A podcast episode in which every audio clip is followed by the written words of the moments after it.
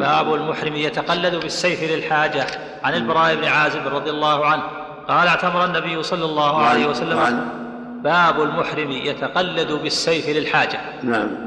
عن البراء بن عازب رضي الله عنه قال اعتمر النبي صلى الله عليه وسلم في ذي القعدة فأبى أهل مكة أن يدعوه يدخل مكة حتى قاضاهم. لا يدخل مكة سلاحا إلا في القراب.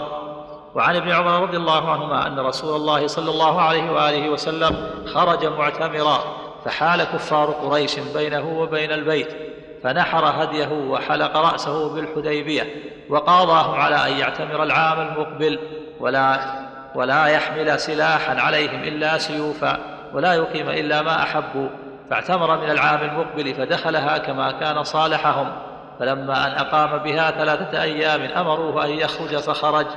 رواهما أحمد والبخاري وهو دليل على أن المحصر ينحر هديه حيث حصر. وهذا يدل على أن الإنسان إذا أتى مكة بعمرة أو حج أو منع فإن ينحر هديا ويحلق رأسه ويقصر ويحلق كما فعل النبي صلى الله عليه وسلم. فإنه توجه إلى مكة في ذي سنة ست من الهجرة معتمرا فحال قريش بينه وبين مكة ومنعوه منعوه من الدخول. وقال لا تدخل عامك هذا. لا الا يتحدث العرب عن أنك أخذت نطاطا فنحر هديه وقصر وحلق وحل عليه الصلاة والسلام وأمر الناس بذلك. فدل على انه الحكم. من منع من مكة وقد أحرم فإنه يتحلل. ينحر هديا ويحلق ويقصر ان كان ما عنده هدي يصوم عشرة أيام. ويحلق أو يقصر ويحل. قد قاضاهم في هذا العام يعني صالحهم على انه يأتي في العام الماضي القادم سنة سبع ويأخذ عمرة. صالحهم على وضع الحرب عشر سنين يكف فيها الناس بعضهم عن بعض ويأمن فيها الناس. وصالحهم على انه يدخل يدخل مكة في عام سبع بجلبان السلاح في القراب بالسيوف فقط السيوف في قرابها. مستورة. ويقيم ثلاثة أيام. فتم الصلح على هذا واعتمر في عام سبع. فلما مضت الثلاثة الأيام قالوا طلبوا منه الخروج وفاء بالشرط فخرج عليه الصلاة والسلام. في هذا جواز الصلح مع الكفرة إذا دعت الحاجة إليه. فإنه صالحهم وهم أعداء قد أخرجوه وآذوه وآذوا أصحابه. لكنه صالحهم للمصلحة لأن في ذلك أمن الناس كف بعضهم عن بعض القتال والفتن حتى يتيسر للناس الهجرة والذهاب إلى النبي صلى الله عليه وسلم والسماع منه. ولهذا نفع الله بهذا الصلح. وهاجر الكثير من الناس إلى المدينة وسمعوا من النبي صلى الله عليه وسلم وأمنت الطرق. وحصل بهذا فتح عظيم سماه الله فتحا إن فتحنا فتحا مبينا. ووفى لهم بالشروط مع أن فيها غضاضة شروط شديدة ثقيلة لكن للمصلحة. قبلها صلى الله عليه وسلم ووفى لهم بها. ومن صلحهم أنه من جاءه منه من جاءه منهم مسلم لا يقبله يرده إليهم ومن جاء منهم من النبي صلى الله عليه وسلم مرتدا لا يرد إليه. فصبر على ذلك وقال من ذهب منا إليهم فأبعده الله. ومن جاءنا منهم فسيجعل الله له فرجا ومخرجا. وصالحهم على أن يدخل مكة من القادم ثلاثة أيام للعمرة لأداء العمرة. اللهم صل على وسلم نعم. باب منع المحرم من ابتداء الطيب دون استدامته. نعم. في حديث ابن عمر رضي الله عنهما ولا ثوب مسه ورس ولا زعفران.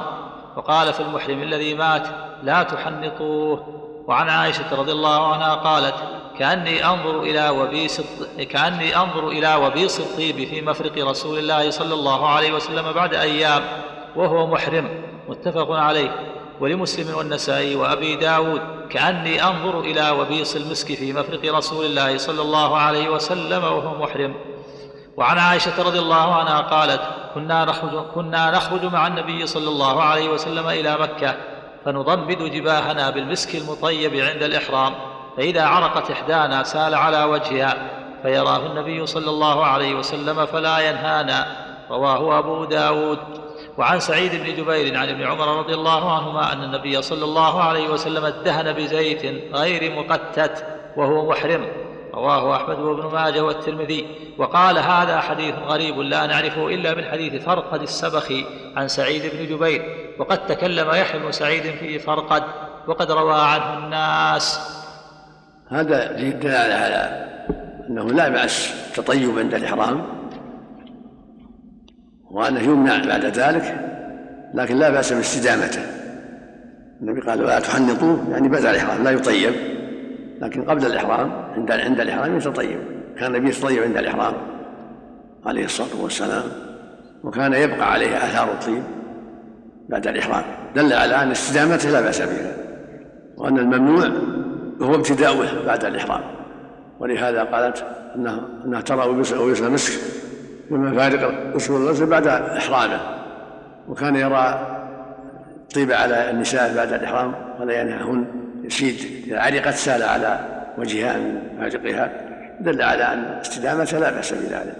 حديث عائشة صحيح رواه أبو داود بإسناد صحيح أنها كانت يسيل المسك من رأسها على وجهها ويراها النبي صلى الله عليه وسلم ولا يمكن. دل على أن الاستدامة لا بأس بها لكن لا يبتدي بل يطيب بعد الاحرام ابتداء اما كون يبقى الطيب في رأسه أو في بدنه فلا حرج في ذلك. نعم. حديث حديث جبة صاحب الجبة الذي أمره الرسول عليه الصلاه والسلام كان كان له كان له كان له صورة. كان له زعفران خلوق فأمر بإزالته. أما إذا كان زيت مثل حديث إذا كان استعمل الزيت غير المقتت لا بأس. المقتت المطيب يعني فيه طيب. فإذا كان زيت أو سمن أو شحم أو وزلين ما في شيء. يستعمله المحرم. لأن ما يسمى ما يسمى طيب. إذا كان خالي من الطيب لا بأس. نعم. حديث فرقد نعم. حديث فرقد السبخي الفرقد ضعيف. صدق لكن لين الحديث. لكن الأصل لا بأس بها. كل شيء يستعمل الشحم أو الزيت يدهن به وهو محرم لا بأس لأن ليس بطيب ما يسمى طيب ذكر من المنذر يجمع على ذلك حكم المنذر يجمع على أنه لا بأس بذلك. والمؤلف فقد روى عنه الناس. روى عن الناس الاستشهاد يعني لا للاحتجاج. نعم. الله عنك الحكمة من عدم تطيب الإحرام نعم. الحكمة الله أعلم. نعم. باب النهي عن أخذ الشعر. نعم. كيف الجمع بين طيب عائشة مع أن النساء منهيات عن الطيب؟ الطيب يعني ما ما يكون رائحة كبير ظاهرة.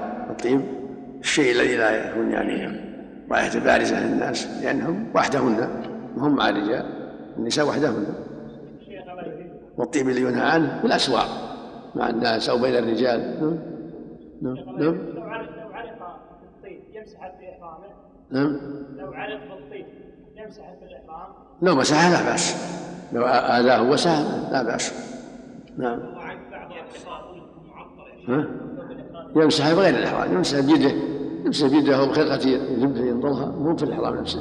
يمسح بيده أو بخرقة يلقيها لا بنفس الإحرام لا بنفس الرداء يعني. نعم. نعم. بعد الصابون يا شيخ ترك أحوط معطر ترك أحوط الصابون الآخر. لا هو ما يسمى طيب الصابون لكن تركه من باب الاحتياط حسن. إذا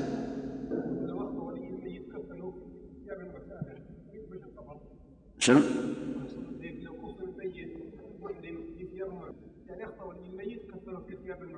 غطوا رأسه يعني؟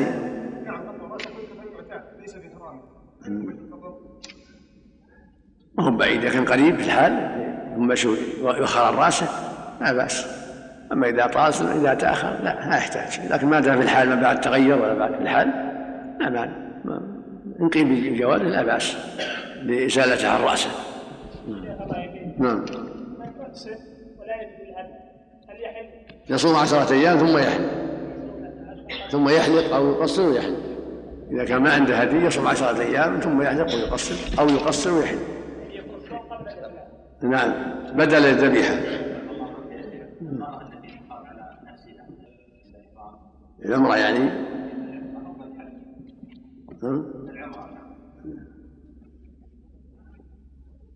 ما أعلم ما أو ما أعلم ما أما في الحج لا لأنها تنتظر. الحج لا بد من الطواف فيه.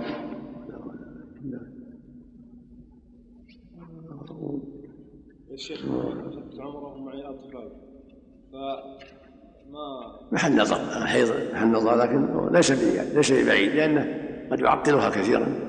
قد يقال للحج أيضا إذا كانت جاءت متأخرة. ولا متقدمة بيمديها تطهر لكن قد تأتي متأخرة. وتخشى من التعطيل ويفوت عليها أشياء. المقصود إذا دعت إليه الحاجة الاشتراط لا بأس. الأصل جوازه النبي قال لرباعة وهي مريضة حجي واشترطي اللهم صل عليه وسلم. نعم. شيخ الله عنك عمره. ومعي طفلين اصغر فاحرموا من الميقات ويوم جاء السعي تعبوا من السعي ما سعوا تشابه. يشابه سيارة ولا على محمودين. ما سويت الشيء الأطفال إذا عزوا يطوفهم وليهم أو غيره ويسعابهم والحمد لله كمل بهم طيب إذا إني ما سعيت ما سعيت الآن علي شيء. يعني طافوا ولا سعوا؟ نعم. الظاهر أنه يلزمك تعود تسعهم لأنك أنت التي ألزمت نفسك بهم. أنت الذي ألزمت نفسك بهم. وأحرمت عنهم. عليك كمل. تسعى بهم وتقصر عنهم. نعم. النبي الله الرب قال جل وعلا جل وعلا قال واتموا الحج والعمرة لله. أنت اللي أدخلتهم. نعم نعم. هذا يدل على تحريم العبث بالانسان ما يجوز الإنسان يقطع عضو منه يعبث يقطع يده أو أصابعه ما يجوز له. هذا وعيد شديد. يفيد أن تكون الإنسان يمثل بنفسه متوعدا بالنار نعوذ بالله. هذا ما بالوعيد نسال الله. العافيه نعم. يشمل اللي أدخلهم أو أولياءهم؟ اما هم لا. ما ما ما يلزمهم شيء. يسعى بأنفسهم. لكن إذا أدخلهم وليهم هو محل كلام أهل العلم. إذا أدخلهم لزمه يتم أن يتمم بهم. اللي دون السبع. يعني أما هم اللي يحرموا بأنفسهم لهم التحلل. لكن ينبغي أنهم يعلموا حتى يكملوا. لأنهم ليس عليهم فريضة. قد يقال بوجوب الإتمام لأنهم دخلوا فيه كالحاج المتنفل والمعتمر المتنفل لو أن إنسان حج متنفلا أو اعتبر متنفلا لزمه الإتمام. قد يقال في حق الصبيان إنهم إذا ان على وليهم أن يلزمهم بالإتمام لأنهم هم أدخلوا. وإن كانوا غير مكلفين لكن بشيء عارض مثل ما يمنعهم من المعاصي ان كانوا غير مكلفين. لأن عارض لا يتلاعبون نقول بهذا وجيه لكن الأصل لا يلزمهم هذا الأصل انهم غير غير مكلفين. لكن إذا دخلوا يعني عقلاء قد بلغوا السبع هم من دخلوا ينبغي وليهم يأكد عليهم يكملوا. وإذا أدخلهم هم وهم دون السبع يلزمه يكمل بهم لأنه مسؤول عنهم كما يكف عن المحارم. باب النهي عن أخذ الشعر إلا لعذر وبيان فديته. نعم. عن كعب بن عجرة رضي الله عنه قال كان بي أدم من رأسي فحملت إلى رسول الله صلى الله عليه وسلم والقبل يتناثر على وجهي فقال ما كنت أرى أن الجهد قد بلغ بك ما أرى أتجد شاة؟ قلت لا. فنزلت الآية ففدية من صيام أو صدقة أو نسك. قال قال هو صوم ثلاثة أيام أو طعام ستة مساكين نصف صاع طعاما لكل مسكين متفق عليه. وفي رواية أتى علي رسول الله صلى الله عليه وسلم زمن الحديبية فقال كأن هوام رأسك تؤذيك. فقلت أجل. فقال فاحلقه واذبح شاة أو صم ثلاثة أيام أو تصدق بثلاثة آصع من تمر بين ستة مساكين. رواه أحمد ومسلم وأبو داود. ولأبي داود في رواية فدعاني رسول الله صلى الله عليه وسلم. فقال لي احلق رأسك وصم ثلاثة أيام أو أطعم ستة مساكين. فرقا من زبيب أو انسك شاة. فحلقت رأسي ثم نسكت. وفي رواية.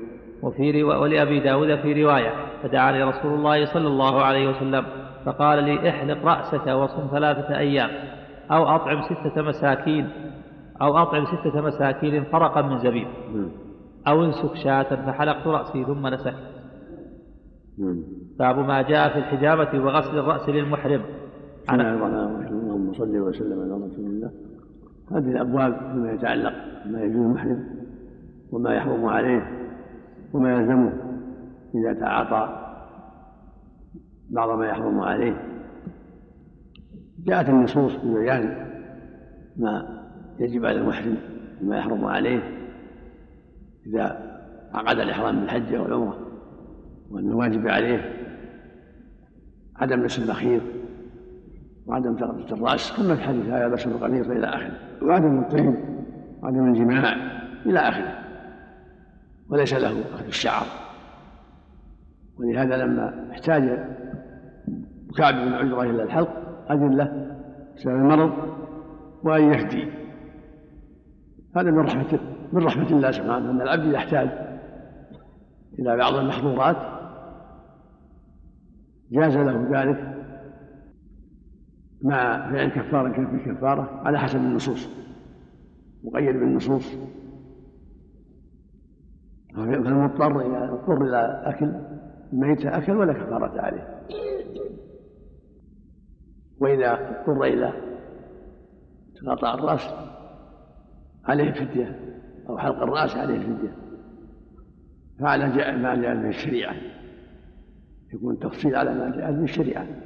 فهذا كعب لما اشتد به مرض الرأس أمره بالحلق وأن يهدي بأحد ثلاثة أشياء إما صوم ثلاثة أيام وإما إطعام ستة مساكين لكل مسكين نصف صاع أو ذبح شاة فالنصوص يفسر بعضها بعضا ويبين بعضها بعضا. والضرورة تختلف وتتنوع. قال الصلاة مما حرم عليكم إلا ما اضطررتم إليه. والجاهل له حكم غير حكم؟ العام.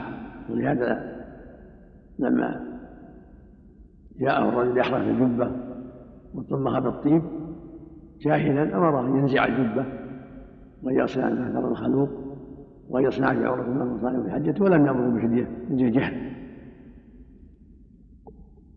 نعم. وفيها دلالة على على أصح دليل في تفسير إطعام ست مساكين وأنه الصاع وقد اختلف الناس في ذلك قال بعضهم صاع بعضهم نص صاع بعضهم مد من البر نص صاع من غيره. ولكن هذا فاصل. حديث كعب بن فيه ان الإطعام يكون نص صاع فإذا فسره النبي بالتمر فغير التمر مثل التمر. لأن الرسول صلى الله عليه وسلم هو المفسر للقرآن والمبين لمعاني القرآن.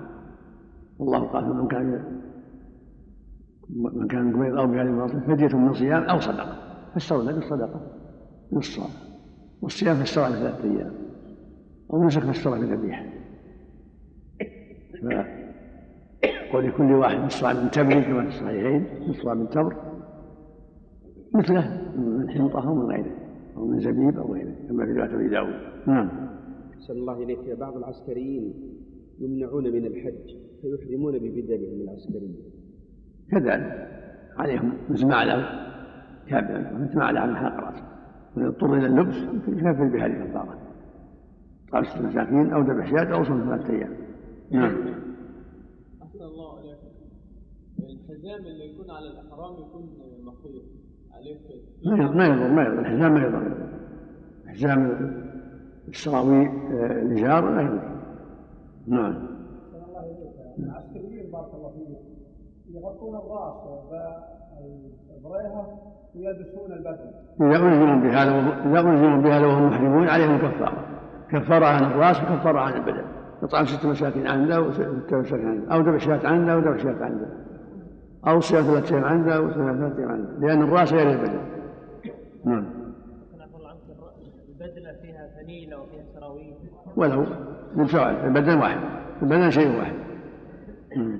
والرأس شيء واحد سواء طاغية ولا عمامة ولا نعم باب ما جاء في الحجامة وغسل الرأس للمحرم.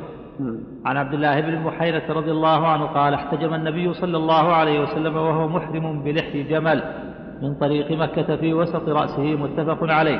باب باب. باب ما جاء في الحجامة نعم. وغسل الرأس للمحرم. نعم. عن عبد الله بن بحينة رضي الله عنه قال احتجم النبي صلى الله عليه وسلم وهو محرم بلحي جمل من طريق مكة في وسط رأسه. متفق عليه. وعن ابن عباس رضي الله عنهما أن النبي صلى الله عليه وسلم احتجم وهو محرم. متفق عليه. وللبخاري احتجم النبي صلى الله عليه وسلم في رأسه وهو محرم من وجع كان به بما أن يقال له لحي الجمل. وعن عبد الله بن حنين أن ابن عباس والمسور بن مخرمة رضي الله عنهما اختلفا بالأبواء. فقال ابن عباس رضي الله عنهما يغسل المحرم رأسه. وقال المسور لا يغسل المحرم رأسه. قال فأرسلني ابن عباس إلى أبي أيوب الأنصاري رضي الله عنهما فوجدته يغتسل بين القرنين وهو يستر بثوب. فسلمت عليه فقال من هذا؟ فقلت أنا عبد الله بن حنين. أرسلني إليك ابن عباس يسألك كيف كان رسول الله صلى الله عليه وسلم يغتسل وهو محرم؟ قال فوضع أبو أيوب يده على الثوب فطأطأه حتى بدا لي رأسه ثم قال لإنسان يصب عليه الماء اصبب فصب على رأسه ثم حرك رأسه بيديه فأقبل بهما وأدبر. فقال هكذا رأيته صلى الله عليه وسلم يفعل. رواه الجماعة إلا الترمذي. وهذه الأحاديث فيها دلالة على جواز الحجامة. إذا دعت الحاجة إليها لأن النبي احتجم المحرم في رأسه. فدل على جواز العلاج المحرم وإذا دعت الحاجة إلى أخذ شيء من الرأس أخذ للحجامة ويكفر بإحدى الكفاء بإحدى الثلاث سواء ثلاثة أيام أو ذبح شاة أو إطعام ستة مساكين يكون هم يذكر في الحديث يدل على الحديث الآخر لأن الأحاديث يفسر بعضها بعضا. الأحاديث يفسر بعضها بعضا. أما الغسل فلا حرج عليه. الإنسان يغتسل محرم لا حرج عليه. اغتسل النبي صلى الله عليه وسلم يوم دخل مكة ولم ولم يكن في ذلك البأس.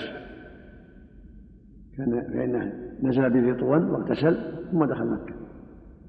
المقصود أن المحرم إذا اغتسل في حال إحرامه لا شيء عليه ولا حرج عليه. نعم. لكن يرفض. عند قصد الرأس يكون يكون رفيقا. نعم. ما يرفع عن الشعرات. ما يقع من الشعر لا يضر. شيء شعر ميت. الشعرات اللي تؤخذ الحجاب. الذي يقع شعر ميت. الشعرات اللي تؤخذ الحجاب ما يعفى عنها ذكر قليل. محتمل لكن الاحوط أنه يفتي. لأن قد يكون قد يكون كثيرا. يكون يكون ما ذكر. اتباع مما النص ما في حديث كتاب العسر باب ما جاء في نكاح المحرم وحكم وطئه. عن عثمان بن عفان رضي الله عنه أن رسول الله صلى الله عليه وسلم قال لا ينكح المحرم ولا ينكح ولا يخطب. رواه الجماعة إلا البخاري وليس للترمذي فيه ولا يخطب. وعن ابن عمر رضي الله عنهما أنه سئل عن امرأة أراد أن يتزوجها رجل وهو خارج من مكة فأراد أن يعتمر أو يحج. فقال لا تتزوجها وأنت محرم. نهى رسول الله صلى الله عليه وسلم. وعن ابن عمر رضي الله عنهما أنه سئل عن امرأة أراد أن يتزوجها رجل وهو مح وهو خارج من مكة. فأراد أن يعتمر أو يحج. فقال لا تتزوجها وأنت محرم. نهى رسول الله صلى الله عليه وسلم عنه رواه أحمد. وهذا يدل على المحرم ما يتزوج ولا يطع. ولهذا قال جل وعلا فرض في الحج فلا رفث ولا فسوق ولا جماع. الرفث الجماع الرسول صلى الله عليه وسلم لا ينكح المحرم ولا ينكح ولا يخطب. لا ينكح لا يتزوج لا ينكح لا يزوج غيره. ولا يخطب لأن الخطبة وسيلة للزواج.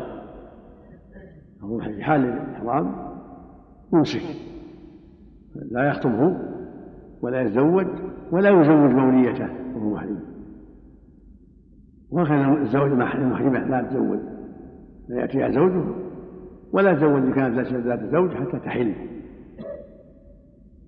وأما حديث ان تزوج ميمونه وهو محرم فهو وهم عند الحفاظ وهم ابن عباس رضي الله عنه فإن الراوي عن ميمونة وهو أبو رافع وهو السفير بينهما أخبر انه تزوجها وهو حلال. تزوج ميمونة وهو حلال. ليس بمحرم نعم. وعن ابي غطفان عن ابيه عن عمر رضي الله عنه أنه فرق بينهما يعني رجلا تزوج وهو محرم. رواه مالك في الموطأ والدار قطني. وعن ابن عباس رضي الله عنهما أن النبي صلى الله عليه وسلم تزوج ميمونة وهو محرم. رواه الجماعة. وللبخاري تزوج النبي صلى الله عليه وسلم ميمونة وهو محرم وبنى بها وهو حلال وماتت بسره وعن يزيد بن الأصم وعن يزيد بن الأصم عن ميمونة رضي الله عنها أن النبي صلى الله عليه وسلم تزوجها حلالا وبنى بها حلالا وماتت بسرد فدفناها في الظلة التي بنى بها فيها.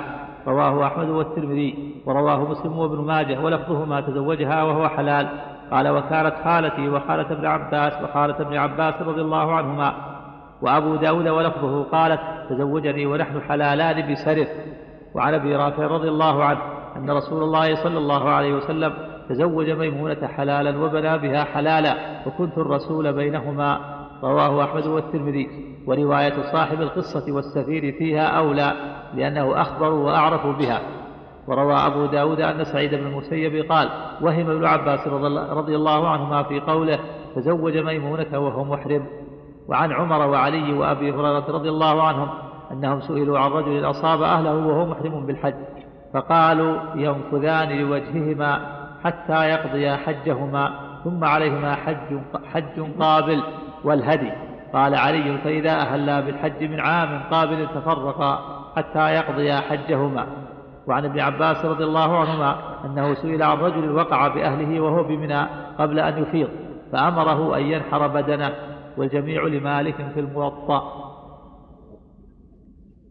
هذا يدل على أن الصواب أنه تزوجها وهو حلال كما أخبرت ميمونة عن نفسها وأبو رافع كذلك وهو أيضا مقتضى الأدلة الشرعية لأنه صلى الله عليه وسلم لا ينهى عن شيء ثم يفعله ولا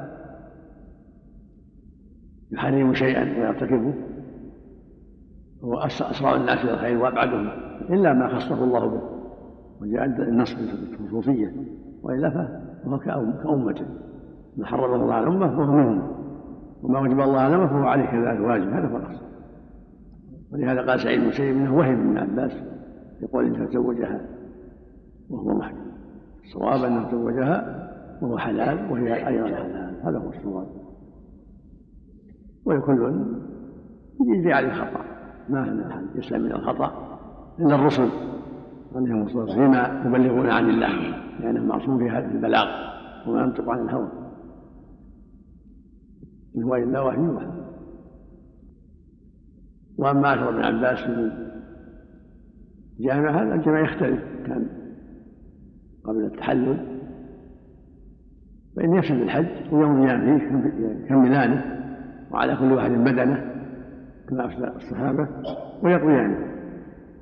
أما إذا كان بعد التحلل بعد رمي الجمرة أو بعد الطواف قبل التقصير أو بعد الرمي والتقصير قبل الطواف فالحج صحيح وعليه الفدية. قال ابن عباس بدنه قال آخرون شاه لأنه قد خف الإحرام قد سهل في التحلل الأول. فإذا نحر بدنة احتياطا حسن كما قال ابن عباس وإلا فيكفيه دم وشاة. لأن الإحرام قد سهل وخف في التحلل الأول. بخلاف لو كان قبل التحلل الأول فإن الواجب بدنه صلى الله عليه رجل جامع قبل الإفاضة وحج بعدها عدة حجج لكنه لم ينويها قضاء. الحج باقي إذا كان قد تحل الأول قد رمى الجبرة لكن عليه فدية قبل الإفاضة أحسن الله ولو إذا كان قد رمى قد تحل الأول تحل الأول. حج صحيح. إنما يفسد حجة إذا كان قبل تحل الأول. يعني لو وطأها في عرفة أو بعد عرفة لكن قبل أن يطوف قبل أن يرمي قبل أن يحلق قبل أن يقع شيء من التحلل أما إذا قال بعد رمي الجمرة أو بعد الطواف حصل التحلل الأول. أو بعد رمي الجمرة والحلق حصل التحلل الأول. يكون الحج صحيح وعليه فدية عن الجماع الذي وقع منه قبل كمال التحلل وهل من شرطه نية القضاء ولا ليس من شرطه؟ لو حج بعد عدة حجج؟ ما يضر. الحج صحيح وعليه وعليه فدية والحج الثاني صحيح والعمرة صحيحة. نعم نعم الجامع بعد التحلل الأول؟ هل يلزمه أن يكتب ويجدد من الحلم؟ يروى عن ابن عباس يعني يحرم من الحلم. والأقرب والله أنه لا يلزمه لأن الحج قد حصل. والعمرة قد حصلت الإحرام قد حصل. فيلزمه التكبير فقط يكمل ويلزمه الدم. نعم. وإن خرج من الحلم. وأحرم بإحرام جديد من باب الخروج من الخلاف لا بأس. ابن عباس نعم. إيجاب البدلة بدون تفصيل. فتوى ابن عباس هنا إيجاب البدلة بدون تفصيل. على من وقع بأهله وهو بمنى قبل أن يفيض. الظاهر أنه يلزمه ولو ولو بعد ما ما تحل تحل كامل. ولكن أقرب والله أعلم التفصيل كما قاله جماعة من أهل العلم يحتاج إلى مزيد عناية عند الدرس الآخر إن شاء الله. ونحتاج إلى مزيد جمع كما كلام أهل العلم في هذا يكون التكميل في الدرس الآخر إن شاء الله. نعم. فتوى الصحابة عمر وعلي وأبي هريرة أن ينفذان لوجههما حتى يقضي حجهما ثم عليهما حج من قبل وهدي فإذا هل تفرقا. الحج من من عام قبل تفرقا حتى يقضي حجهما. هذا مجمل هذا مجمل هنا ما فيه بيان مبدلا ولا يحتاج إلى جاء ما جاء في هذا عن الصحابة رضي الله عنهم. التفرق أحسن الله نعم. التفرق في قضاء الحج. تفريق بينهما. نعم. عقوبة لئلا يقع منه مرة أخرى شيء حتى لا تقع الكارثة مرة أخرى نعم. نعم. هذا على سبيل الاستحباب يعني. نعم. على سبيل الاستحباب. نعم. التفرق على سبيل الاستحباب. ظاهر الفتوى على سبيل الوجوب حتى سدا للذريعة وعقوبة على ما جرى منهما سابقا. باب تحريم قتل الصيد وضمانه بنظيره. قال الله تعالى فجزاء مثل ما قتل من النعم يحكم به ذوى عدل منكم. الآية عن جابر رضي الله عنه قال جعل رسول الله صلى الله عليه وسلم في الضبع يصيبه المحرم كبشا وجعله من الصيد. رواه أبو داود وابن ماجه وعن محمد بن سيرين أن رجلا جاء إلى عمر بن الخطاب رضي الله عنه فقال إني أجريت أنا وصاحب لي فرسين نستبق إلى ثغرة ثنية. فأصبنا ظبيا ونحن محرمان فماذا ترى؟ فقال عمر رضي الله عنه لرجل بجنبه تعال حتى نحكم أنا وأنت. قال فحكم عليه بعنز فولى الرجل وهو يقول هذا أمير المؤمنين لا يستطيع أن يحكم في ظبي حتى دعا رجلا فحكم معه. فسمع عمر قول الرجل فدعاه فسأله هل تقرأ سورة المائدة؟ فقال لا. فقال هل تعرف هذا الرجل الذي حكم معي؟ فقال لا. فقال لو أخبرتني أنك تقرأ سورة المائدة لأوجعتك ضربا. ثم قال إن الله عز وجل يقول في كتابه يحكم به ذوى عدل منكم هديا بالغ الكعبة. وهذا عبد الرحمن بن عوف رواه مالك في الموطأ. وعن جابر رضي الله عنه أن عمر قضى في الضبع بكبش وفي الغزال بعنز وفي الأرنب بعناق وفي اليربوع جفرة. رواه مالك في الموطأ. وعن الأجلح بن عبد الله عن أبي الزبير عن جابر رضي الله عنه عن النبي صلى الله عليه وسلم. قال في الضبع إذا أصابه المحرم كبش وفي الضبي شاة وفي الأرنب عناق وفي اليربوع جفرة. قال والجفرة التي قد أرتعت. رواه الدار قطني. قال ابن معين الأجلح ثقة؟ وقال ابن عدي صدوق. وقال أبو حاتم لا يحتج بحديثه. بسم الله الرحمن الرحيم. اللهم صل وسلم على رسول الله. هذه الأحاديث والآثار فيما يتعلق بالصيد. الله جل وعلا قال يا أيها لا تقتلوا الصيد وأنتم حرم. لا يجوز قتل الصيد في حق المحرم حتى يحل. وإذا كان في الحرم حرم لامرين للصيد للحرم وللإحرام جميعا. وإذا كان خارج الحرم حرم من أجل الإحرام فقط. وإذا وقع من ذلك فعليه الجزاء. لقوله تعالى فجزاء مثل ما قتل النعم. يحكم إذا وعدهم هديا بعد الفم أو كفارة طعام وسيرات إليها صياما وهذا لله فيه حكمة بالغة جل وعلا حيث نهى محرم عن قتل الصيد ونهى عن صيد عن صيد الحرم له فيه حكمة بالغة سبحانه وتعالى. فإذا وقع من أحد فعليه الجزاء. وفيه دلالة على أن الضبع صيد كما جاء في حديث الصحيح جابر من سماها صيدا. وقضى فيها الصحابة كعمر لأن فيها كبش لأنها أشبه شيء بذلك. وفي الظبي عنز أشبه شيء بذلك وفي الأرنب عناق وفي جفرة صغيرة وفي ذرب جفرة صغيرة العناق الصغيرة المقصود أن العدلين ينظران ويتأملان ما هو الأشبه بالصيد من الأنعام التي أحباها الله العباد يكون جزاء كما فعل عمر وعبد الرحمن بن عوف وغيرهم من الصحابة. وبين ذلك أهل العلم في جزاء الصيد. تنفيذا لقوله تعالى فجزاء مثل ما قتل الناس. ولا يجوز له ولو قال أني مفتي لا يجوز له قتل الصيد لا يجوز له التعرض لذلك انه قال لا تقتل الصيد. لكن متى وقع؟ فعليه التوبة إلى الله وعليه الفدية. متى وقع ذلك؟ وليس له يتعمد ذلك. ولكن هل هل يجب مطلقا أو في حال التعمد. الله قال من قتل متعمدا فجزاؤه ثم قتل من النعم. مشهور عند أهل العلم إن التعمد فيه الإثم وأما الجزاء يشمل التعمد وغير التعمد. وظاهر القرآن إنه لا يلزمه إذا كان متعمدا. وهو قول جمع من أهل العلم.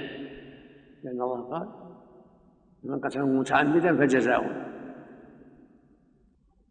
والأظهر أن لا يجب على الخاطئ المخطئ على المخطئ إلا يوجد سدة صحيحة تدل على ذلك وإلا فالأصل اعتبار القيد الذي بينه الله جل وعلا ومن متعمدا لأنه هو الآثم فلو دهسته السيارة حمامة وغيره من غير عمد أو ما أشبه ذلك فظاهر النص أنه لا شيء عليه يعني غير غير آثم غير متعمد.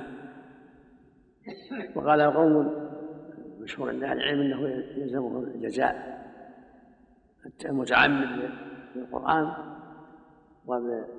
والمخطئ بالسنة ولكن ليس في ليس في سنة واضحة.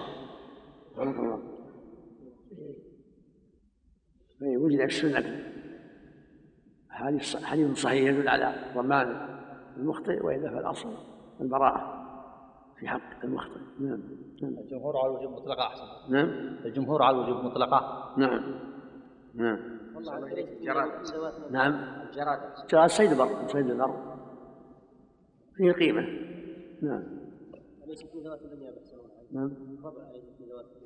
لكن مستثنى يقول يقول فلوس السمك يمر بذلك شيء مستدير تطحن عليه طحن سبحان الله. وعلى هذا هي صيد نعم صيد. نعم. نعم. في محل ينهي. كان في الحرم في الحرم. لكن في الآية الكريمة هديا بعد ثابت ظاهره أنه يساق إلى فقراء الحرم. ما لا ما لها أنياب في الضبع. بلغني ما لها أنياب أنه يقول لها ضرس كبير مستدير تطحن طحن في الفوق والحد يمكن بعض الأخوان شافها ما حد منكم شاف هذا. لو حدث واضحه وتعبديه إيش؟ سبب التحريم ذكر الصيد. بلا حكمة واضحة. الله أعلم الله أعلم. سمعنا واطعنا. نعم. ويدخل فيه النسيان أحسن الله إليك. نعم. الخطأ والنسيان سواء. أي نعم. العاصم سمى مخطئ نعم. نعم. نعم. لا مستثنى مستثنى بالنص. نعم. باب منع المحرم من أكل لحم الصيد إلا إذا لم يصد لأجله ولا أعان عليه. نعم. عن الصعب بن جثامة رضي الله عنه أنه أهدى إلى رسول الله صلى الله عليه وسلم حمارا وحشيا وهو بالأبواء أو بودان فرده عليه فلما رأى ما في وجهه قال إنا لم, إنا لم نرده عليك إلا أنا حرم. متفق عليه ولأحمد أو مسلم لحم حمار وحش. وعن زيد بن أرقم وقال له ابن عباس رضي الله عنهما يستذكره. كيف أخبرتني عن لحم صيد أهدي إلى رسول الله صلى الله عليه وسلم وهو حرام؟ فقال أهدي إليه عضو من لحم صيد فرده. وقال إنا لا نأكله إنا حرم. رواه أحمد ومسلم وأبو داود والنسائي. وعن علي رضي الله عنه أن النبي صلى الله عليه وسلم أتي ببيض النعام. فقال إنا قوم حرم أطعموه أهل الحل. رواه أحمد. وعن عبد الرحمن بن عثمان بن عبد الله التيمي وهو ابن أخي طلحة. قال كنا مع طلحة رضي الله عنه ونحن حرم فأهدي لنا طير وطلحة راقد فمنا من أكل ومنا من تورع فلم يأكل فلما استيقظ طلحة وفق من أكله فقال أكلناه مع رسول الله صلى الله عليه وسلم رواه أحمد ومسلم والنسائي. وعن عمير بن سلمة الضمري عن رجل من بهز أنه خرج مع رسول الله صلى الله عليه وسلم يريد مكة حتى إذا كانوا في بعض وادي الروحاء وجد الناس حمار وحش عقيرا. فذكروه للنبي صلى الله عليه وسلم فقال أقروه حتى يأتي صاحبه فأتى البهزي وكان صاحبه فقال يا رسول الله شأنكم بهذا الحمار. فأمر رسول الله صلى الله عليه وسلم أبا بكر فقسمه في الرفاق وهم محرمون. قال ثم ثم مررنا حتى إذا كنا بالأثاية إذا نحن بضب حاقف في ظل فيه سهم. فأمر رسول الله صلى الله عليه وسلم رجلا أن يقف عنده حتى يجيز الناس عنه. رواه أحمد والنسائي ومالك في الموطأ. وعن أبي قتادة رضي الله عنه قال كنت يوما جالسا مع رجال من أصحاب النبي صلى الله عليه وسلم في منزل في طريق مكة ورسول الله صلى الله عليه وسلم أمامنا. والقوم محرمون وأنا غير محرم عام الحديبية فأبصروا حمارا وحشيا وأنا مشغول اخسف نعلي فلم يؤذنوني وأحبوا لو أني أبصرته. فالتفت فأبصرته فقمت إلى الفرس فأسرجته ثم ركبت ونسيت السوط والرمح فقلت لهم ناولوني السوط والرمح. فقالوا والله لا نعينك عليه. فغضبت فنزلت فأخذتهما ثم ركبت فشددت, فشددت على الحمار فعقرته. ثم جئت به وقد مات فوقعوا فيه يأكلونه. ثم إنهم شكوا في أكلهم إياه وهم حرم. فرحنا وخبأت العضد معي. فأدركنا رسول الله صلى الله عليه وسلم فسألناه عن ذلك. فقال هل معكم منه شيء؟ فقلت نعم. فناولته العضد فأكلها وهو محرم. متفق عليه ولفظه للبخاري ولهم في رواية هو, هو حلال فكلوه ولمسلم هل أشار إليه إنسان منكم أو أمره بشيء فقالوا لا قال فكلوه وللبخاري قال منكم من أحد أمره أن يحمل عليها أو أشار إليها؟ قالوا لا قال فكلوا ما بقي من لحمها. وعن أبي قتادة رضي الله عنه قال خرجت مع رسول الله صلى الله عليه وسلم زمن الحديبية فأحرم أصحابي ولم أحرم فرأيت حمارا فحملت عليه فاصطدته. فذكرت شأنه لرسول الله صلى الله عليه وسلم وذكرت أني لم أكن أحرمت وأني إنما اقصدته لك. فأمر النبي صلى الله عليه وسلم أصحابه فأكلوا ولم يأكل منه حين أخبرته أني اصطدته له. رواه أحمد وابن ماجه في إسناد جيد. قال أبو بكر النيسابوري قوله إني اصطدته لك وإنه لم يأكل منه. لا أعلم أحدا قاله في هذا الحديث غير معمر. وعن جابر رضي الله عنه أن النبي صلى الله عليه وسلم قال صيد البر لكم حلال وأنتم حرم ما لم تصيدوه أو يصد لكم. رواه الخمسة إلا ابن ماجه. وقال الشافعي هذا أحسن حديث روي في هذا الباب وأقيس. هذه الأحاديث كلها مدارها على أمرين. أحدها أحدهما أن يصاد من أجل المحرم أو يساعد فيه المحرم فلا يأكل منه شيء. إذا صاده الحلال. أما إذا صاده الحلال ولم يساعده المحرم ولم يصده لأجله فلا حرج. وعلى هذا تنزل الأحاديث. حديث أبي قتادة وما جاء في معناه. في صيد صاده الحلال ولم يعنه المحسن ولم يصد لأجل المحرم فلهذا أكله الصحابة وأقرهم النبي صلى الله عليه وسلم. وينزل وأما حديث الصعب بن جثامه وما جاء في معناه فهذا فيما سد لأجل الحرام لأجل المحرم هذا لا ياكل ولهذا قال أنا لم نرده عليه إلا أنه حرم حملوه على أنه صاده لأجل النبي صلى الله عليه وسلم لاجل يهديه للنبي صلى الله عليه وسلم. فلم يمتنع منه ورده عليه. هذا إذا كان جزء حمار كما في الروايه الاخرى عجوز حمار. أما إذا كان الحمار حيا فالمحرم لا يأخذ الصيد لا يشتريه ولا يقبله هبه وهو محرم. وحديث جابر صريح في المقام صيد البر لكم حلال ما لم تصيدوه أو يصد لكم. فهو مثل ما قال الشيخ رحمه الله فاصل وهو لا بأس حديث جيد له طرق وحديث جيد وهو فاصل المقام.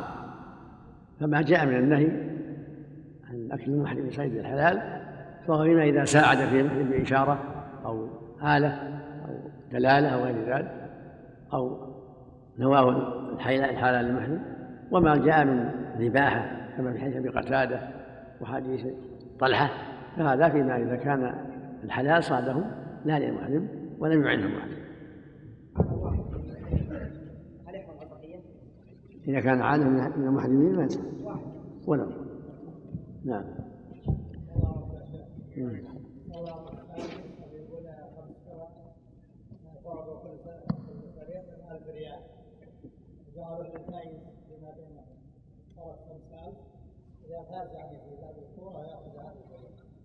ما يجوز اللعب العوض. ما يجوز في القرآن جميع النعيم ما يجوز في العوض. إلا في ثلاث. فقط. مسابقة بالرمي والمسابقة بالخيل والإبل. بس. وما سواها ما يجوز في العوض. لا بأس يتسابقوا بالأقدام لكن بدون عوض. والنبي صلى الله عليه وسلم لا سبق إلا في نصر أو خف أو حافل النصر الرمي والخف الإبل والحافر الخير نعم والله عنه ابو قتاده لم يسلم مع ان أساس ذهاب النبي صلى الله عليه وسلم وصحبه العمره. نعم لعل له أسباب. أنا ما أدري عنها ولعل له أسباب. نعم. عبد الله الحمار الوحشي المقصود به الظبي نعم. الحمار الوحشي لا نوع آخر طبعا. يشبه الحمر لكن لها أخرى أفضل. جميل. له جميل. له صوت جيدة. والظبي غيره نعم. أبو سباق الرجال يقطع عليهم جوائز. لا. أيوه لا. الجوائز في الرمي والإبل والخيل بس. نعم. نعم.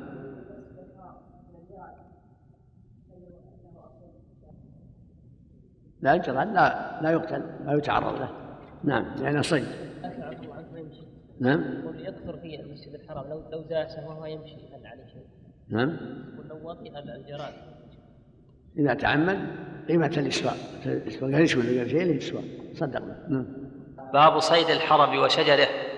عن ابن عباس رضي الله عنهما. نعم. باب صيد الحرم وشجره. نعم. عن ابن عباس رضي الله عنهما قال قال رسول الله صلى الله عليه وسلم يوم فتح مكة إن هذا البلد حرام. لا يعبد شوكه ولا يختلى خلاه ولا ينفر صيده ولا تلتقط لقطته إلا لمعرف. فقال العباس رضي الله عنه إلا الإذخر فإنه لا بد لهم منه فإنه للقبور والبيوت. فقال إلا الإذخر. وعن أبي هريرة رضي الله عنه أن النبي صلى الله عليه وسلم لما فتح مكة قال لا ينفر صيدها ولا يختلى شوكها ولا تحل ساقطتها إلا لمنشد. فقال العباس رضي الله عنه إلا الإذخر فإنا نجعله لقبورنا وبيوتنا. فقال رسول الله صلى الله عليه وسلم إلا الإذخر متفق عليهما. وفي لفظ لهم لا يعضد شجرها بدل قوله لا يختلى شوكها وعن عطاء أن غلاما من قريش قتل حمامة من حمام الحرم أن أن غلاما من قريش قتل حمامة من حمام مكة. فأمر ابن عباس رضي الله عنهما أن يفدى عنه بشاة رواه الشافعي.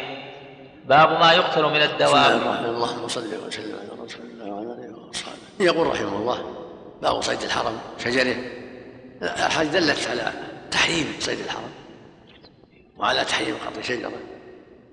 قد خطب النبي صلى الله عليه وسلم الناس يوم فتح مكة وبين لهم الحكم لا يجوز لأحد قطع شجر الحرم. ولا بل هذا يبقى لمصلحة الحجاج يرقون شجرها. من ذلك ولا يقطع الشجر ولا يحش الحشيش ولا يصاد الصيد ولا ينفر. قد خطأ النبي هذا وكرر هذا عليه الصلاة والسلام وحذر منه وهكذا اللقطة لا تؤخذ للتملك وإنما هو للتعريف إلا لمعرف. يعرفها حتى يجدها ربها قول العباس فإنا نتخذه في بيوتنا وقبورنا يعني الإذخر الإذخر استثناه النبي صلى الله عليه وسلم وهو نبت طيب الرائحة معروف لا بأس باحتشاشه لأنهم يحتاجون إليه في بيوتهم وقبورهم. وفي حدادتهم يحتاجها أحداد غين كما في الحديث لغيرهم وبيوتهم لأن أرض رديئة يحتاجون هذا الحشيش يجعلونها الميت دونه دون التراب القبور يقيه التراب لأن الإبل ضعيف تراب مكة ضعيف. وهكذا الغين يحتاج الحدادة. في إيقاد النار الحدادة فاستثناه النبي صلى الله عليه وسلم قال إلا للخير. أما ما, سوى من الشجر فالواجب تركه والحشيش كذلك حتى الشوك. نعم. فإذا احتاج الإنسان لشيء يفرش عليه تراب وغيره ويجلس عليه الفراش ولا يقطع. يفرش الفراش الذي يقيه الشوك يكفي. نعم. المراد أحسن الله عليك غير ما أنبته الآدميون نعم. وزرعوه. المراد غير ما أنبته الآدميون وزرعوه. إيه ما ما غير ما أنبته. ما أنبته الآدم وزرعه هذا له ملكه يأخذ هذا المقصود ما أنبت على المطر ما أنبته الله من دون عمل للمخلوق. نعم. أما شجر يغرس في نخل أو شجر يغرس في المخلوق له أو زرع يزرعه له نعم. نعم الذي يقطع الشجر جاهلا هل عليه شيء؟ الأقرب الله أعلم ما عليه شيء يروى عن بعض الصحابة عليه فدية لكن ما عليه دليل واضح. النبي صلى الله عليه وسلم حذر ولم يجعل فدية. صلى الله عليه وسلم. نعم. الذكر يجعل في الخلل. نعم. الرعاية لا بأس ترعى الدواب لا بأس. نعم. الإذخر ما زاد نعم. عن أقول ما زاد عن الخلل بين اللبن في القبور. نعم. أقول الإذخر يعني يجعل في الخلل بين اللبن وما زاد على ذلك. فوق اللبن يشبهم يشبهم يستعملون حاجاتهم مباح لهم. نعم. غيرهم وبيوتهم غير الحداد يشبه الحداد وإذا شبوا في بيوتهم ما في بأس. نعم. لكن ما زاد على الخلل في اللبن القبور. يستعملون كيف شاءوا مباح لهم. نعم. لكن قصدي يجعل فوق اللبن زيادة. نعم. يكون اللبن ضعيف يجعل فوق اللبن زيادة على الخلل من الإذخر يستعمل ما يحتاج إليه والباقي ينتفعون به شيء آخر. لكن إذا احتاج له في القبور يحتاج يجعل في القبور ما يحتاج إليه فقط. نعم. الله إليك فإن قطع من لم يفهم النص نعم. يستغفر الله ويتوب يتوب إليه. وإن تصدق جزاه الله خير. تصدق حسن. نعم. باب ما يقتل يروى عن ابن عباس وجماعة أن قال في الشجرة بدنة كبيرة والصغيرة شاة والحشيش قيمته. فإذا فعل ذلك احتياطا حسن. نعم قتل الحمام أحسن الله إليك أو العصافير في الحرم. نعم يقول قتل الحمام والعصافير ما يجوز كذا صيد فديتها ما يجوز الحمامة فيها شاة من تعمد. والعصفور فيها قيمته نعم الله إليك. الجلال. ما صح في الفدية شيء مرفوع. ما ما ما أعرف شيء. شيء ما أقول ما أذكر شيء مرفوع. نعم. باب ما يقتل من الدواب في الحرم والإحرام. عن عائشة رضي الله عنها قالت أمر رسول الله صلى الله عليه وسلم بقتل خمس فواسق في الحل والحرم. الغراب والحدأة والعقرب والفأرة والكلب العقور متفق عليه. وعن ابن عمر رضي الله عنهما أن رسول الله صلى الله عليه وسلم قال خمس من الدواب ليس على المحرم في قتلهن جناح. الغراب والحدأة والعقرب والفأرة والكلب العقور. رواه الجماعة إلا الترمذي. وفي لفظ خمس لا جناح على من قتلهن في الحرم والإحرام الفأرة والعقرب والغراب والحدأة والكلب العقور. رواه أحمد ومسلم والنسائي. وعن ابن مسعود رضي الله عنه أن النبي, أن النبي صلى الله عليه وسلم أمر محرما بقتل حية بمنى. رواه مسلم. وعن ابن عمر رضي الله عنهما وسئل ما يقتل الرجل من الدواب وهو محرم؟ فقال حدثتني إحدى نسوة النبي صلى الله عليه وسلم أنه كان يأمر بقتل الكلب العقور والفأرة والعقرب والحدأة والغراب والحية. رواه مسلم. وعن ابن عباس رضي الله عنهما عن النبي صلى الله عليه وسلم قال خمس كلهن فاسقة يقتلهن المحرم ويقتلن في الحرم الفأرة والعقرب والحية والكلب العقور والغراب. رواه أحمد. هذه الحديث فيما يتعلق ما يقتل في الحرم. المؤذيات تقتل في الحرم منها الخمس المذكورة. الغراب والحداءة والعقرب والفأرة وكلب العقور تقتل في الحل والحرم. يقتلها المحرم والحلال. في الحل ولأنها مؤذية فاسقة. سميت فاسقة لأذاها. الفاسق سمي فاسق لخروجه عن عن عن طبيعة غيره بالأذى بإظهاره المعاصي. فهكذا هذه فواسق تؤذي. الغراب والحداء تأكل الطيور والغراب يؤذي يأكل الشجر يأكل الزرع وينقب دبر الدواب حتى تتسبب في يعني تعاظم الجرح وربما افضى إلى الموت والعقرب معروف والحية كذلك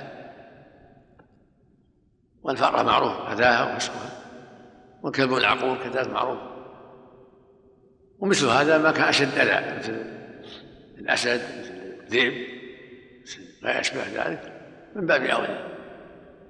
كذلك من جنى في الحرم زنى أو سرق يقام عليه الحد. لأذاه قد أمر النبي صلى الحية.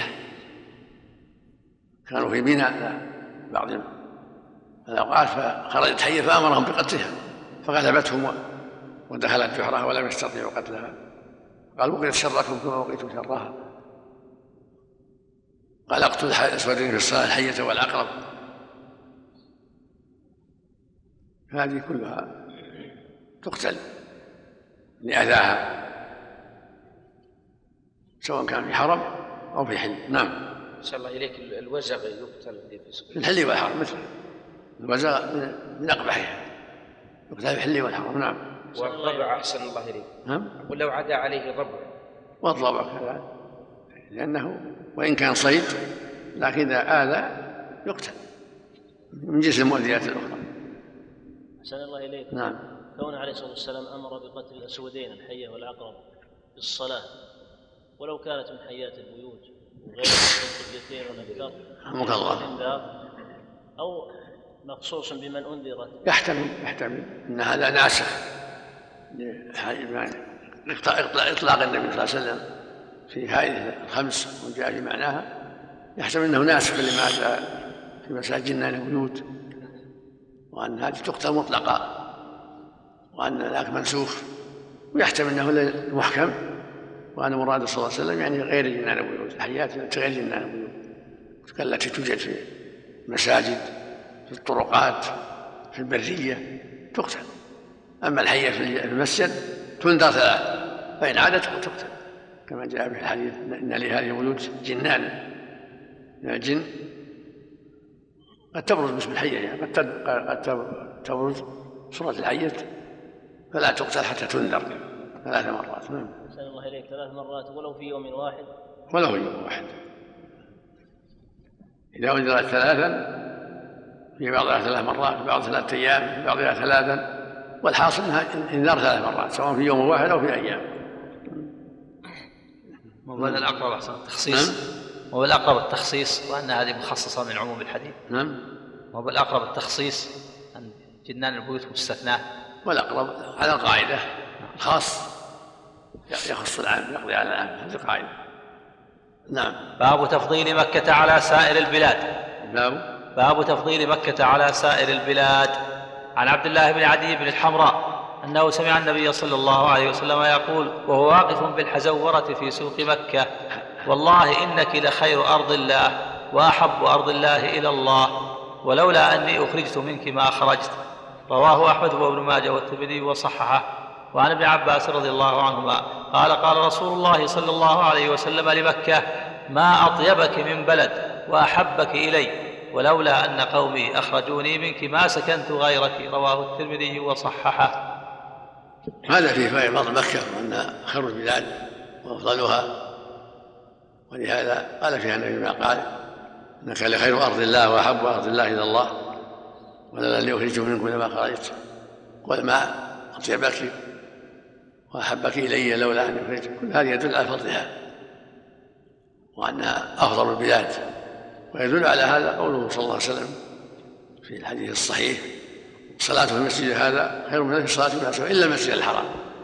وصلاة المسجد الحرام خير من صلاة المسجد هذا بمئة صلاة. الصلاة فيها بمئة ألف. والحسنات فيها مضاعفة. وهي فيها بيت الله وفيها منبع الحجيج والعمار. هي أفضل بقاع الله. ثم تليها المدينة. ثم الشام. الشام بيت المقدس. الأرض المباركة فيها المسجد الأقصى. هذه أفضل المساجد وأفضل البلاد. ولكن إذا تغيرت الأحوال وصار فيها ما يضر المسلم ينتقل عنها. مثل ما انتقل عنها النبي صلى الله عليه وسلم وهاجر منها إلى المدينة وهكذا لو كان في المدينة ظهر شر ينتقل عنها. فإن الدين مقدم.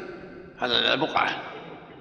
يبقى في البقعة إذا كان إذا كان هذا أصلح لدينه فلو وجد في وقت من الأوقات أن انتقاله من مكة أصلح أو من المدينة أو من بيت المقدس فعل. حرصا حرصا على دينه. مثل حالة الآن الشام. في بين أيدي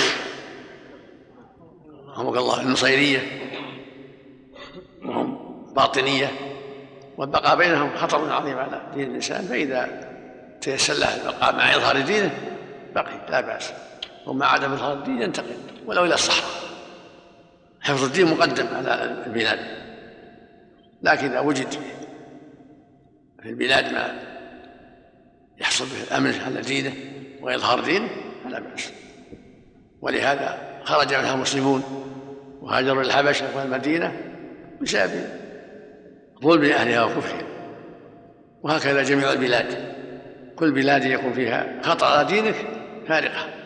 والتمس أرضا أصلح بها وفق الله الجميع. نعم. نعم. فاتقوا الله ما استطعتم. فاتقوا الله ما استطعتم. نعم.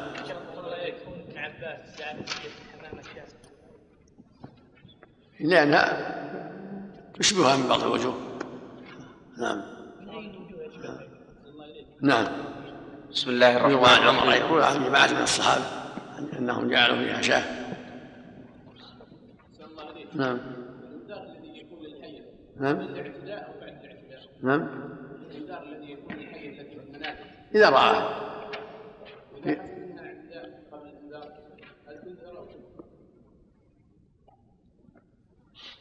الظاهر أنها إذا اعتدت تقتل. إذا اعتدت قد ظلمت هي. قد ظلم. لكن هذا كله قبل الاعتداء. يقال لها كفي عنا لا تخرجي وإلا قتلناك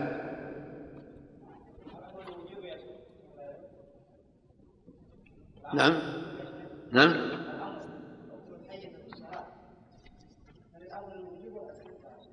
الله أعلم. على كل يدل على المشروعية وما الوجوب محل نظر لكن يدل على المشروعية. نعم. بالنسبة للبلد الحرام تضاعف فيه الصلوات والحساب السيئات. السيئة ما تضاعف إلا من جهة الكيفية السيئة بواحدة كما قال الله جل وعلا. لا يجزى إلا مثلها. لكن سيئاته في الحرم أعظم يعني من جهة الإثم. لا تعدد لا لا تكون عشر ولا غير لكن أعظم. سيئات الحرم سيئات المدينة سيئات الشام سيئات رمضان أعظم. يعني أشد في الإثم ولكن لا تعدد. كل سيئة بواحدة لكن السيئة من جهة الكيفية من جهة عظم الإثم. تختلف. باب حرم المدينة وتحريم صيده وشجره. عن علي رضي الله عنه قال قال رسول الله صلى الله عليه وسلم المدينة حرم ما بين عير إلى ثور. مختصر من حديث متفق متفق عليه من حديث متفق عليه. وفي حديث علي رضي الله عنه عن النبي صلى الله عليه وسلم في المدينة لا يختلى خلاها ولا ينفر صيدها ولا تلتقط لقطتها إلا لمن أشاد بها. ولا يصلح لرجل أن يحمل السلاح فيها لقتال ولا يصلح أن يقطع فيها شجرة إلا أن يعرف رجل بعيرة. رواه أحمد وأبو داود. وعن عباد بن تميم عن عمه رضي الله عنه أن رسول الله صلى الله عليه وسلم قال إن إبراهيم حرم مكة ودعا لها وإني حرمت المدينة كما حرم إبراهيم مكة.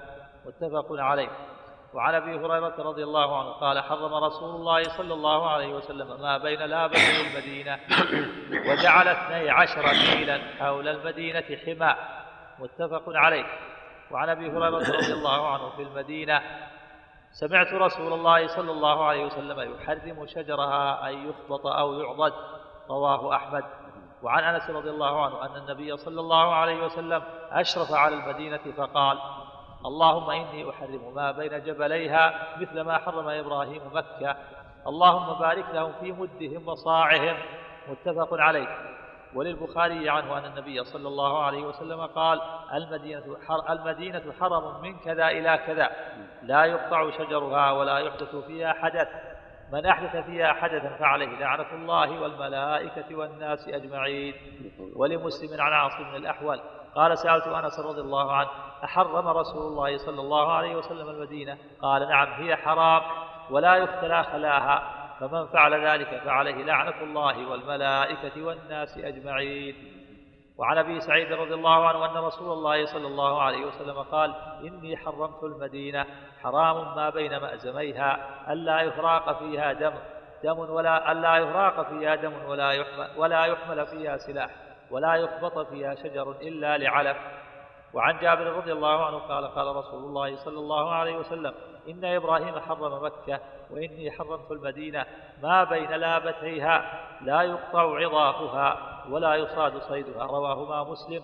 وعن جابر رضي الله عنه أن النبي صلى الله عليه وسلم قال في المدينة حرام ما بين حرتيها وحماها كلها لا يقطع شجرها إلا أن يعلف منها. رواه أحمد. وعن عامر بن سعد عن أبيه رضي الله عنه قال قال رسول الله صلى الله عليه وسلم إني أحرم ما بين لابتي المدينة أن يقطع عظاهها أو يقتل صيدها. وعن عامر بن سعد أن سعد رضي الله عنه ركب إلى قصره بالعقيق فوجد عبدا يقطع شجرا أو يخبطه فسلبه. فلما رجع سعد جاءه أهل العبد فكلموه أن يرد على غلامهم أو عليهم ما أخذ من غلامهم. فقال معاذ الله أن أرد شيئا نفلنيه رسول الله صلى الله عليه وسلم وأبى أن يرد عليهم. رواهما أحمد ومسلم. وعن سليمان بن أبي عبد الله قال رأيت سعد بن أبي وقاص رضي الله عنه أخذ رجلا يصيد في حرم المدينة الذي حرم رسول الله صلى الله عليه وسلم فسلبه ثيابه فجاء مواليه فقال إن رسول الله صلى الله عليه وسلم حرم هذا الحرم.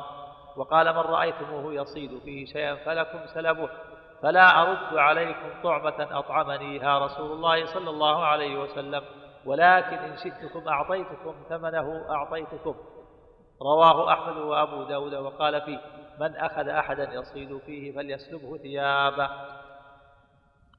بسم الله الرحمن الرحيم. الحمد لله وصلى الله وسلم على رسول الله. أما بعد هذه الأحاديث الكثيرة كلها تدل على تحريم المدينة. وهي ثابتة في الصحيحين وغيرها قد خطب صلى الله عليه وسلم الناس يوم الفتح وبين لهم حرمة مكة وخطب الناس المدينة وبين لهم حرمة المدينة وأنها حرم ما بين عين إلى ثور ما بين لابتيها أنه حرمها كما حرم إبراهيم مكة. إبراهيم حرم مكة يعني أظهر تحريمها. معنى أن إبراهيم حرم مكة يعني أظهر تحريمها لأن الله حرمها يوم خلق السماء والأرض. ولكن إبراهيم عليه الصلاة والسلام أظهر ذلك وبينه للناس. لا يعرض شجرها ولا يقتل خلاها ولا ينفر صيدها. فهكذا المدينة حرمها النبي صلى الله عليه وسلم كما حرم إبراهيم مكة. لا يضرب شجرها ولا يقتل خلاها ولا ينفر صيدها. وهي بريد في بريد 12 ميل حرمها وأظنه الآن قد حدد بحدود واضحة. كنت حين كنت في المدينة والعمل جاري في ايجاد حدود واضحة. ولم ظني أنه وضع لها حدود الآن. وعين معروف. بعض أئمة اللغة قالوا ما يعرف عين ولا ثور ولكن عند التحقيق عرف عين ثور جبلان معروفان هناك. وثور جبل صغير تحت تحت أحد. والمقصود أن حدودها معروفة. هذا الحرم. لا يعرض شجره ولا يقتل خلال يعني حشيشه ولا ينفر صيده. مثل ما بين الله جل وعلا. على رسوله في حرم مكة. إلا العلم. وهذا من اخف مما في مكة. في مكة أذن له في فيما طلبها العباس الاذهب ولم يؤذن لهم في خفض العلم. إلا الراعي فقط. هنا هذه النقطة أخف من مكة لأن أباح لهم العلف أن يأخذوا العلف يحتشوا العلف لدوابهم. أو للشجر لدوابهم فالمقصود أنه حرم ما بين الله مثل ما حرمها النبي صلى الله عليه وسلم. فالواجب على أهل الإسلام أن يحترموها ويحذروا حرمه الرسول صلى الله عليه وسلم ودعا لهم في صائهم والدين بمثل ما دعا به في رواية أخرى بمثل ما دعا به إبراهيم لأهل مكة. والله جعل لهم في طعامهم بركة وخيرا كما جعل لأهل مكة في طعامهم.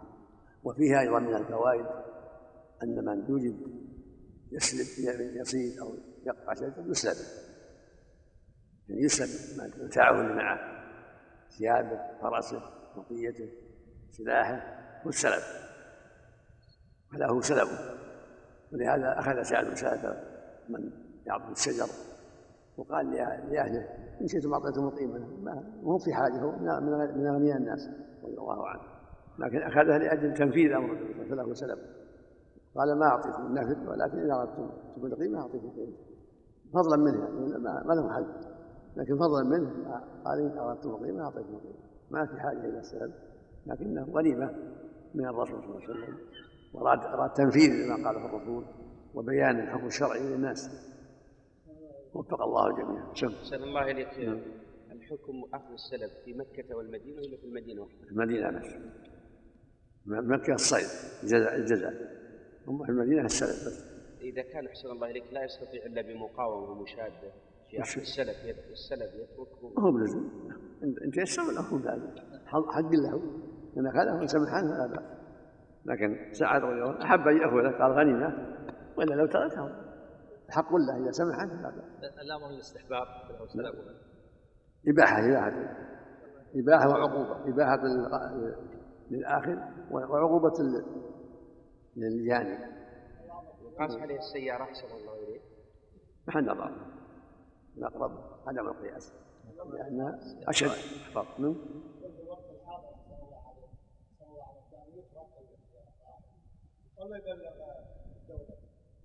يبلغ المسؤولون حتى يمنعوا يمنعوا من يتعدى يبلغ. يعني الإمارة والمسؤولين عن هذا.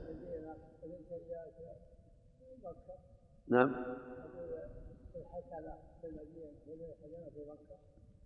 فيها فضائل لكن مكة أفضل مكة أفضل من المدينة كلها فيها فضل والسيئة عظيمة في مكة والمدينة لكن مكة أعظم. ولهذا في الصلاة في مكة مئة ألف صلاة. في مسجد النبي صلى الله عليه وسلم خير من ألف صلاة ألف. في مكة بمئة ألف. الله أكبر نعم. نعم. نعم. لا يتعرض لا يتعرض الشيء لا يتعرض الشيء لكن لأهل العلم نظر في هذا إذا دعت الضرورة هل يقطع أو ما يقطع محل نظر. إذا دعت الضرورة للسكن.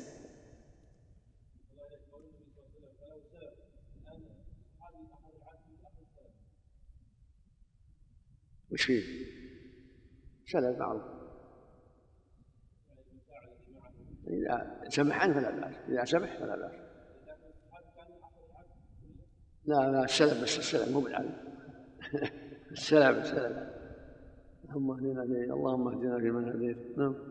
نعم. باب ما جاء في صيد وج نعم. عن محمد بن عبد الله بن إنسان عن أبيه عن عروة بن الزبير عن الزبير رضي الله عنه أن النبي صلى الله عليه وسلم قال إن صيد وج وعظاهه حرم محرم لله عز وجل.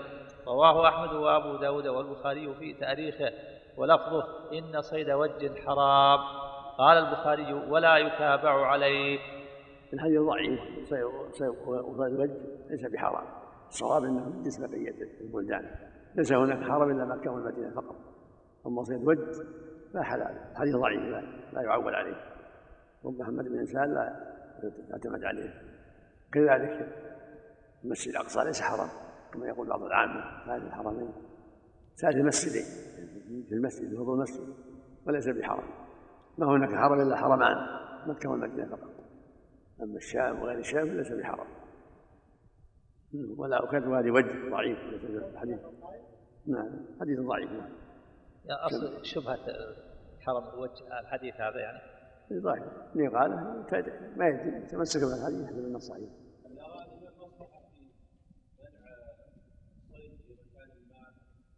إذا رأى في مصلحة المسلمين لا بأس. إذا رأى في مصلحة المسلمين هو وليهم هو ولي أمرهم ينظر بمصلحتهم إذا رأى مصلحة في ذلك يسمع ويطاع على كل إذا رأى ولي الأمر شيء فلا بأس. من هذه المسائل لأن هذه يدخل فيها الاجتهاد في مصلحة المسلمين. نعم. نعم. نعم.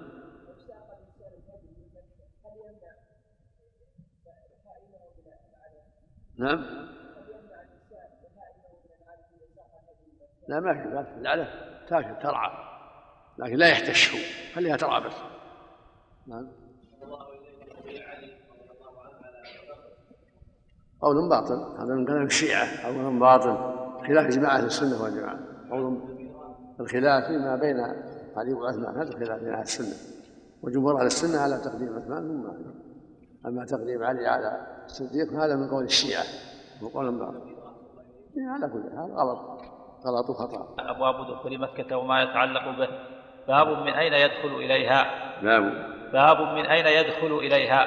عن ابن عمر رضي الله عنهما قال كان النبي صلى الله عليه وسلم إذا دخل مكة دخل من الثنية العليا التي بالبطحاء وإذا خرج خرج من الثنية السفلى رواه جماعة إلا الترمذي. وعن عائشة رضي الله عنها أن النبي صلى الله عليه وسلم لما جاء مكة دخل من أعلاها وخرج من أسفلها. وفي رواية دخل عام الفتح من كدا التي بأعلى مكة متفق عليهما. وروى الثاني أبو داود وزاد ودخل, ودخل في العمرة من كدا باب رفع اليدين إذا رأى البيت وما يقال عند ذلك. بسم الله الرحمن الرحيم. اللهم صل وسلم هذا الباب فيما يتعلق بدخول مكة. السنة دخولها من أعلاها من كدائم ثنية العليا كما دخلها النبي صلى الله عليه وسلم. وكيفما دخل؟ أجزاء لا حرج من أي جهة دخل؟ لا حرج. لكن الأفضل تأسم بالنبي صلى الله عليه وسلم دخولها من أعلاها من كدائن والخروج من أسفلها إلا إذا كان طريقه لا يناسب ذلك. فالمقصود من هذا هو الأفضل إذا تيسر ذلك لدخول النبي صلى الله عليه وسلم مكة كما في حديث عائشة وحديث ابن عباس. نعم. باب إذا إذا باب رفع اليدين إذا رأى البيت وما يقال عند ذلك. عن جابر رضي الله عنه وسئل عن الرجل يرى البيت يرفع يديه فقال قد حججنا مع رسول الله صلى الله عليه وسلم فلم يكن يفعله. رواه أبو داود والنسائي والترمذي. وعن ابن جريج قال حدثت عن مقسم عن ابن عباس رضي الله عنهما عن النبي صلى الله عليه وسلم قال ترفع الأيدي في الصلاة وإذا رأى البيت وعلى الصفا والمروة وعشية عرفة وبجمع وعند الجمرتين وعلى الميت.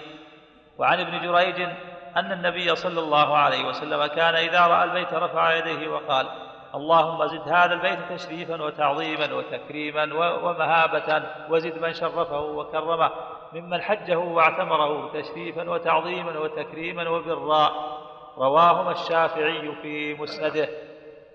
هذه الآثار كلها ضعيفة ولم يثبت رفع اليدين عند رؤية البيت شيء فكلها ضعيفة ولم يفعله النبي صلى الله عليه وسلم حين قدم.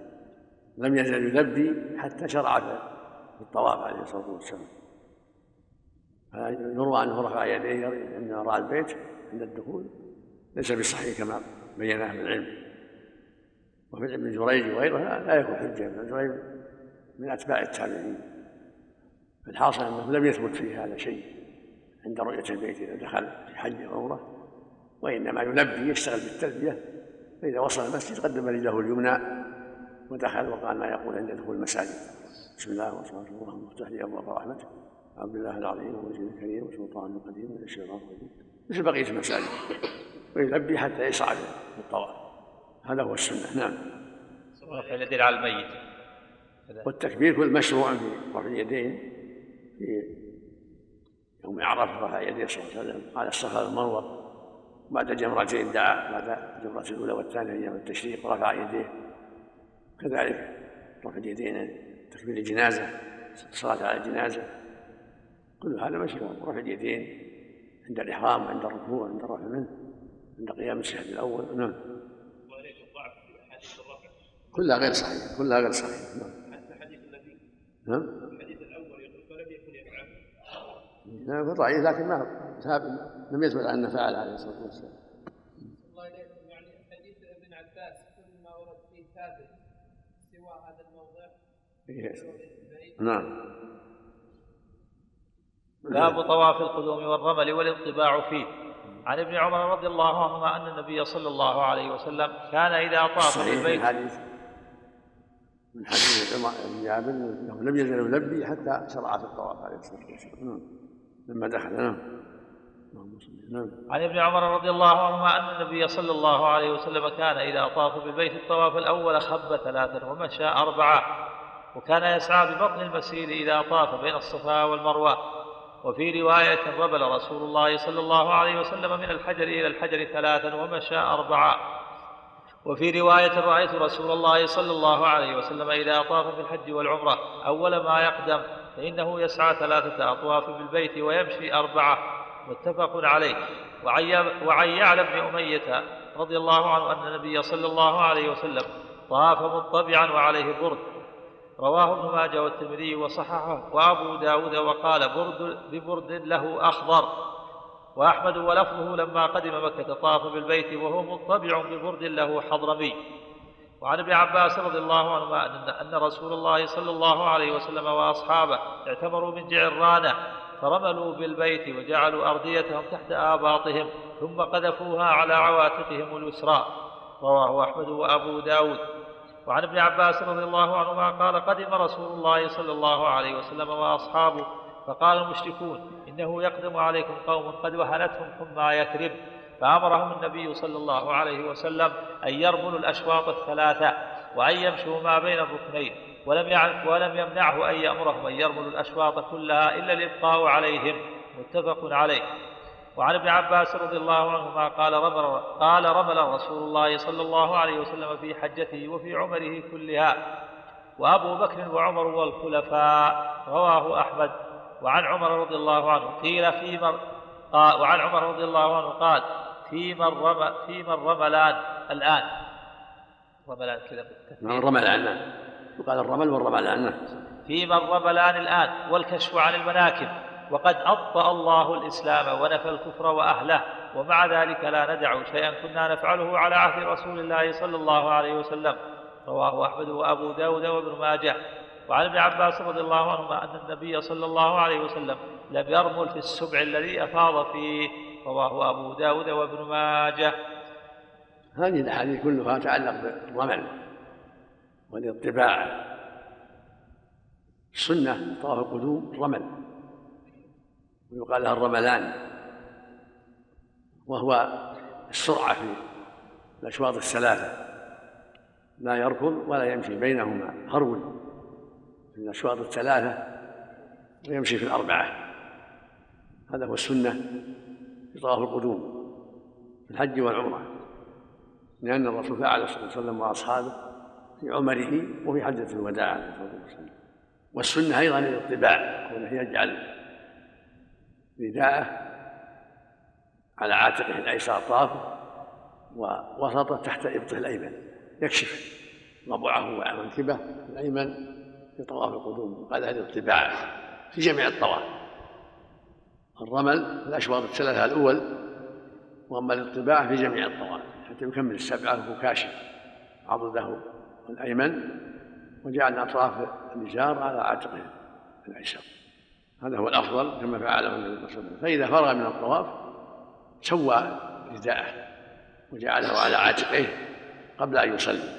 سوى رداءه قبل أن يصلي ركعتين الطواف. وهكذا في السعي. يرمل في بطن الوادي إذا صبت قدمه في بطن الوادي رمى سعى فإذا سعت فاذا ارتفعت قدماه إذا خرج من الوادي مشى. في الأشواط السبعة كلها. الرجل من المرأة. وكانوا في عمرة القضاء أمرهم أن يمشوا بين الركنين عليه الصلاة والسلام.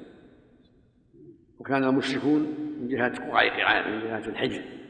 فإذا كانوا بين الركنين غابوا عنهم فأمرهم أن يمشوا بين الركنين رفقا بهم لأنهم عندهم بعض الضعف. كان المشركون يقولون قد وهنتهم ما يكفي. فأمرهم النبي صلى الله عليه وسلم أن يرملوا وأن يظهروا النشاط والقوة لأعداء الله. فلما حج حجة الوداع رمل عليه الصلاة والسلام. من الحجر إلى الحجر. المشي نسخ المشي بين الركنين نسخ واستمرت السنة من الحجر إلى الحجر. يعني الرمل أشواط كل من أولها إلى آخرها. من الحجر إلى الحجر. وفي حديث على بن أمية دلالة على جواز لبس الأخضر. كما يجوز الأحمر والأسود وغيرهما. فهذه الأنواع اللباس جائز ابيض اسود احمر اخضر لا بأس. لكن مع تجنب التشبه بالنساء والكفره ولباسهم ليس بالتشبه بالكفره ولا بالنساء. تجوز له جميع الألوان. النبي لبس الأحمر والأبيض والأخضر والأسود.